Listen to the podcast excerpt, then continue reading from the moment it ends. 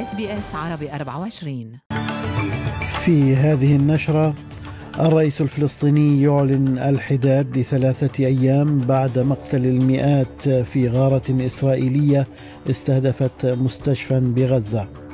الرئيس بايدن يتوجه إلى الشرق الأوسط في زيارة لإسرائيل والأردن ووصول طائرة تحمل 200 أسترالي قادمين من إسرائيل إلى سيدني.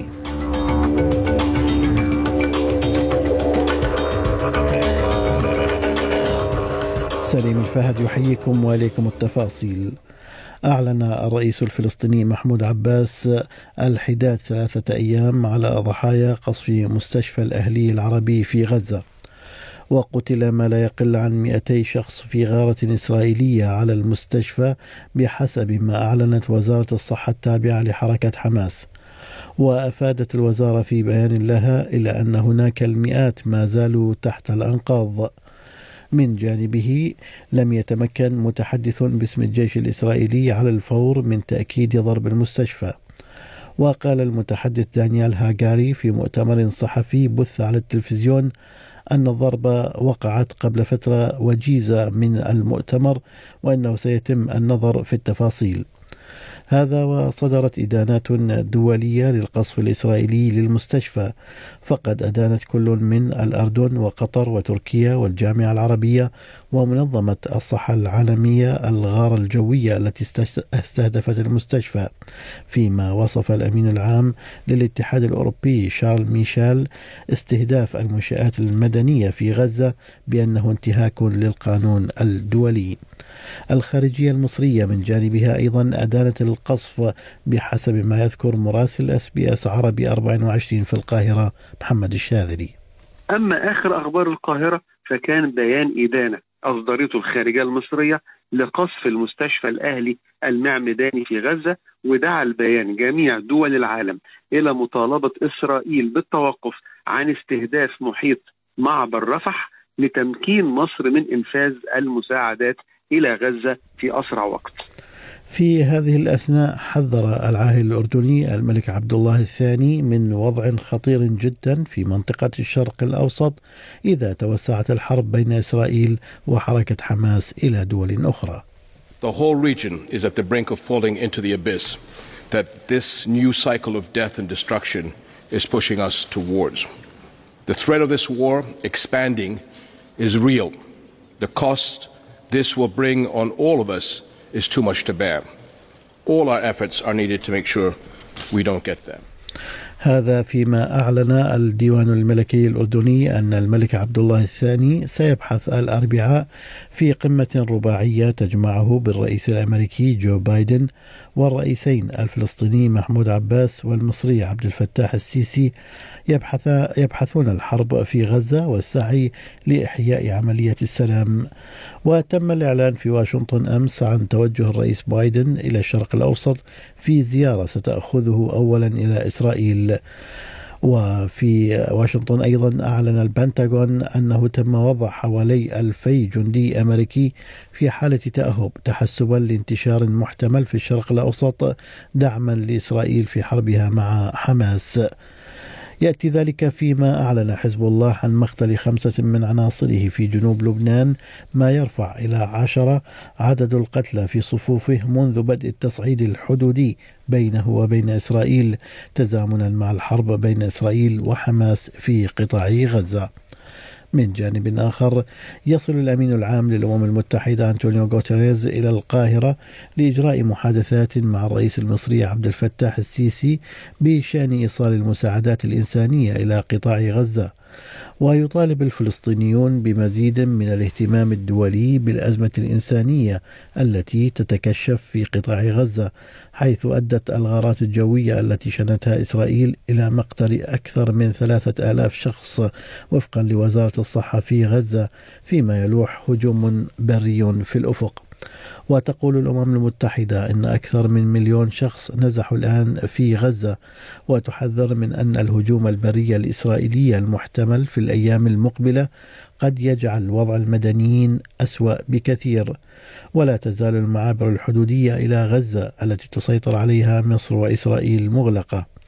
وتقول آلاء شاتيلا وهي ناشطة شبابية في منظمة أكشن أيد بالستاين والتي تعيش في وسط غزة لكنها عالقة الآن في مصر تقول إنها وصديقتها كانتا تشاهدان الأحداث وهي تتكشف في حالة من الرعب Uh, we can't go back to Gaza. Everything is really horrible.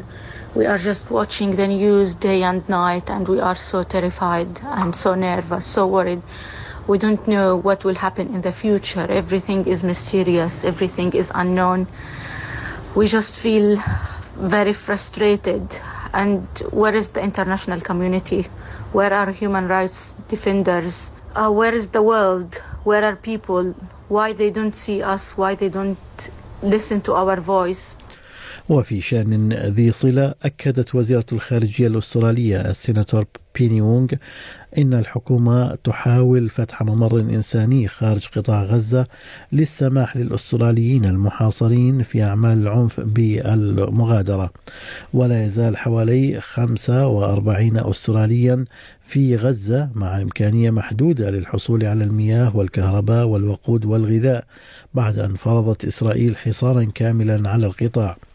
ونصحت وونغ الأستراليين الذين ما زالوا في المنطقة بالانتقال إلى معبر رفح الحدودي الجنوبي بين مصر وإسرائيل وعفوا وغزة في حالة فتح نافذة إنسانية. وتقول وزيرة الخارجية بيني وونغ أنه لا يوجد ضمان بأن هذا سيحدث أو إلى متى سيظل مفتوحا لكن المحادثات مستمرة. Australia calls for safe and unimpeded human, humanitarian access to Gaza and the rapid establishment of a humanitarian corridor. And we support the work of the United States, Egypt, and others towards this goal. We will continue to monitor and assess the humanitarian situation and we stand ready to provide further support. وفي ذات السياق وصلت صباح اليوم إلى مطار سيدني طائرة تحمل حوالي 200 أسترالي قادمين من إسرائيل. It was just amazing. We're laying in our hotel room and missile landed about 150 metres away from us. But Iron Dome is absolutely amazing. It was taken down 98% of them. You could just see the trails of the missiles through the sky and then a puff of smoke and gone. And five, ten minutes later, you're out of the bunkers. دعت رئيسة تحرير وكالة رويترز أليساندرا جالوني الجيش الإسرائيلي إلى إجراء تحقيق شامل وشفاف في وفاة المصور الصحفي عصام عبد الله في جنوب لبنان. وقتل المصور الصحفي أثناء إطلاق نار عبر الحدود بين إسرائيل وحزب الله حيث يقول شهود عيان أن القصف جاء من إسرائيل كما أصيب اثنان من زملائه في رويترز وصحفيان من وكالة فرانس بريس والجزيرة. وتقول السيدة جالوني إنها تدعو الجيش الإسرائيلي إلى الشفافية فيما يتعلق بهذا القصف المزعوم. He was just doing his job. When he was killed. Eyewitnesses at the scene said the shell that killed Issam came from Israel. And so I am reiterating my call to the Israeli authorities who have said they are investigating to conduct a swift, thorough, and transparent probe into what happened. By transparent, I mean an investigation with clear evidence and explanation. And I also reiterate my call to the Israeli Defense Forces for clarity regarding the terms of engagement in this conflict. في الرياضة تصدرت قطر والسعودية والهند الدول الأكثر شراء لتذاكر مباريات كأس آسيا في كرة القدم المقرر إجراؤها في قطر مطلع العام المقبل مع نفاذ الدفعة الأولى من التذاكر بحسب ما ذكرت اللجنة المنظمة وبيع أكثر من 150 ألف تذكرة خلال الأيام الأولى من انطلاق المبيعات فيما سيقوم المنظمون بإصدار مزيد من التذاكر خلال الفترة القريبة المقبلة. في أسعار العملات بلغ سعر صرف الدولار الأسترالي 64 سنتا أمريكيا. حالة الطقس المتوقعة لهذا اليوم بيرث مشمس إجمالا أقصى درجات الحرارة فيها 25 أدليد مشمس 26 ملبن مشمس أيضا 23 هوبرت مشمس 24 كامبرا غائم جزئيا 22 درجة سيدني غائم 21 بريسبن غائم جزئيا 25 وأخيرا داروين مشمس 35 درجة. كانت هذه نشرة الأخبار قرأها على حضراتكم سليم الفهد من أس بي أس عربي 24 شكرا لإصغائكم.